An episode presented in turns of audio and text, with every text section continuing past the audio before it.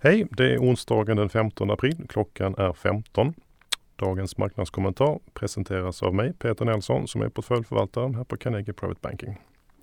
Vi ska i vanlig ordning ge en kort uppdatering om marknadsläget just nu, lite vad vi håller ögonen på och hur vi agerar. Um, idag är det lite surare miner på, på börserna igen. Uh, index i Stockholm är ner ungefär 2,5 procent. Eh, vi hade en väldigt stark dag i USA igår där det steg med hela 3% men terminerna indikerar att det också kommer falla ungefär 2,5% idag. Så det är samma mönster som, som hos oss. Då ska vi alltså komma ihåg att eh, om vi tar USA-börsen så har den nu stigit innan dagen öppnade då 27% ungefär från botten som vi hade där den 23 mars. Så det har ju varit en ordentlig uppgång ska man komma ihåg. Och det är ju fortsatt relativt stora slag får man säga.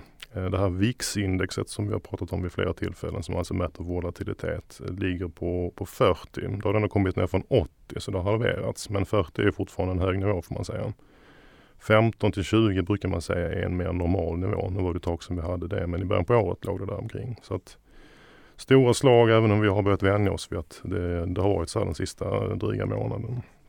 Tittar vi idag så är det ju då följaktligen lite mer defensiva aktier som klarar sig bättre, eh, vilket det brukar vara när det går ner. Det är teleoperatörer till exempel, eh, dagligvaror och även läkemedelsbolag. De håller emot ganska bra.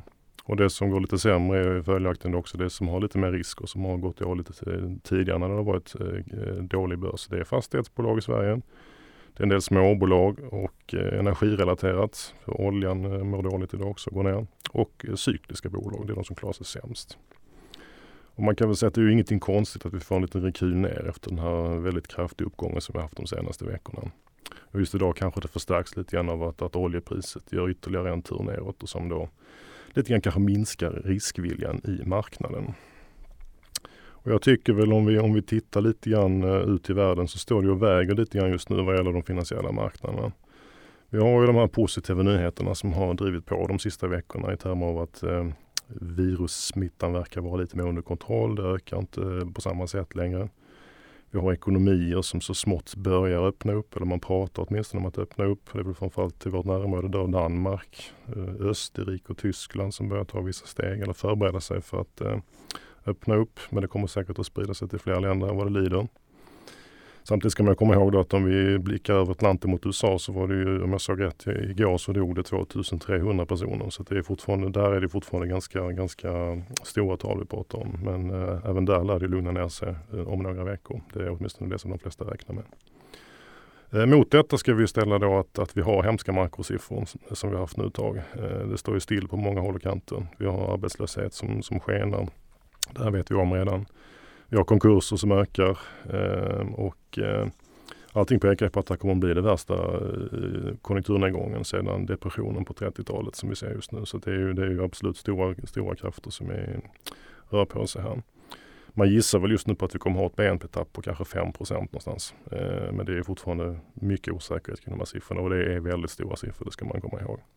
Samtidigt sänker vi vinstprognoser för, för börsbolagen. Analytikerna försöker då räkna ikapp vad som har hänt. De ligger alltid lite efter. Men prognoserna sänks i en rasande takt. Normalt sett brukar inte det vara en speciellt bra miljö för aktier. Men just nu har ju, ligger det här redan i förväntansbilden. Det var därför det gick ner så kraftigt i, i mars. Att man, liksom, man insåg att vinstprognoserna skulle, skulle gå ner. Och nu, nu ser vi att det händer.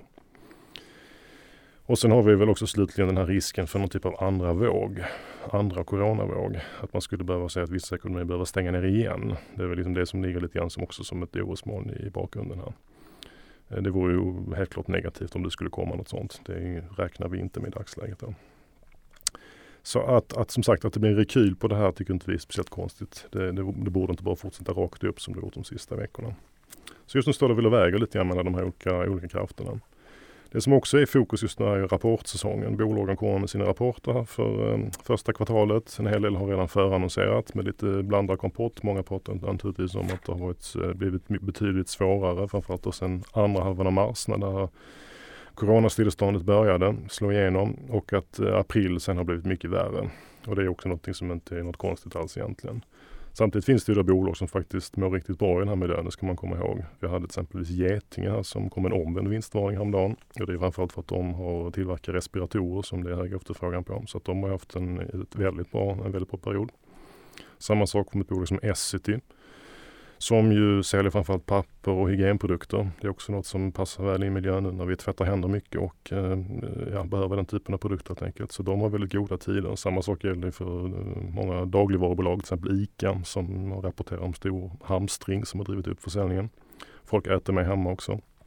Eh, så att, och man kan väl även nämna dataspelsbolag, eh, vilket också säkert beror på att många då är mer hemma eh, och därmed har mer tid att spela. Så att det finns ju helt klart vinnare också i den här miljön. Och de som har det jobbigare är naturligtvis industribolagen och även mycket inom detaljhandeln där affärerna är stängda eller inte har några kunder. Jag tror ändå att eh, resultaten för första kvartalet som kommer rapporteras här de kommande veckorna kommer nog vara lite mindre av intresse egentligen för det är ju historia utan fokus är på utsikterna och där är väl frågan om vi kommer att bli så mycket klokare. Jag tror inte företagsledningarna de vet inte så mycket mer än vad vi vet om hur, hur framtiden ser ut utan de ser bara vad som har hänt fram till nu egentligen. Så nyckelfrågan tror jag blir hur hanterar man nedgången? Eh, vilka åtgärder kan man vidta för att, för att liksom, mm, ja, parera den här nedgången som man ser? Där brukar då kvalitetsbolag att klara sig bättre. De brukar vara vana vid att hantera nedgångar. Ehm, den här gången är det frågan om det ändå är lite svårare eftersom det är ett riktigt tvärstopp i ekonomin. Det har man inte riktigt sett på, på så många år. Utan det kan nog göra att en del ändå får problem som brukar vara duktiga på flexibilitet. Men jag tror ändå att det är det, eh, det, är det som är det mest intressanta att se hur snabba bolagen är på att, på att uh, hantera det här. Någon typ av eh, konsensusåsikt är att april, möjligen även maj, är de värsta månaderna. Att vi sen kommer att se en successiv återhämtning och framförallt senare under, under tredje kvartalet att det kommer att återhämta sig. Det är den, det är den konsensussynen vi har på marknaden just nu. Så vi får hoppas att den håller. Risken är ju då om det blir mer utdraget att man inser att kvartal tre inte heller blir så bra och kanske till och med även kvartal fyra påverkas i en större omfattning. Då, då kanske aktiemarknaden har sprungit lite väl, väl snabbt här. Men det får vi väl återkomma till när vi ser lite grann hur ekonomin har lyckats med att eh, öppna upp igen. Och vi kvarstår väl ungefär med den synen vi har haft på sistone. Det vill säga att eh, eller man kan väl lite kortsiktigt tillägga då att kanske risken ökat lite grann efter den här kraftiga uppgången som vi haft de senaste veckorna. Men det blir mycket en fråga om tidshorisont. Är man kortsiktig ska man nog vara lite mer försiktig tycker jag just nu. Men på säg 6 12 månaders sikt tycker vi fortfarande att det finns fog för att eh, tro på att det här kan hämta sig.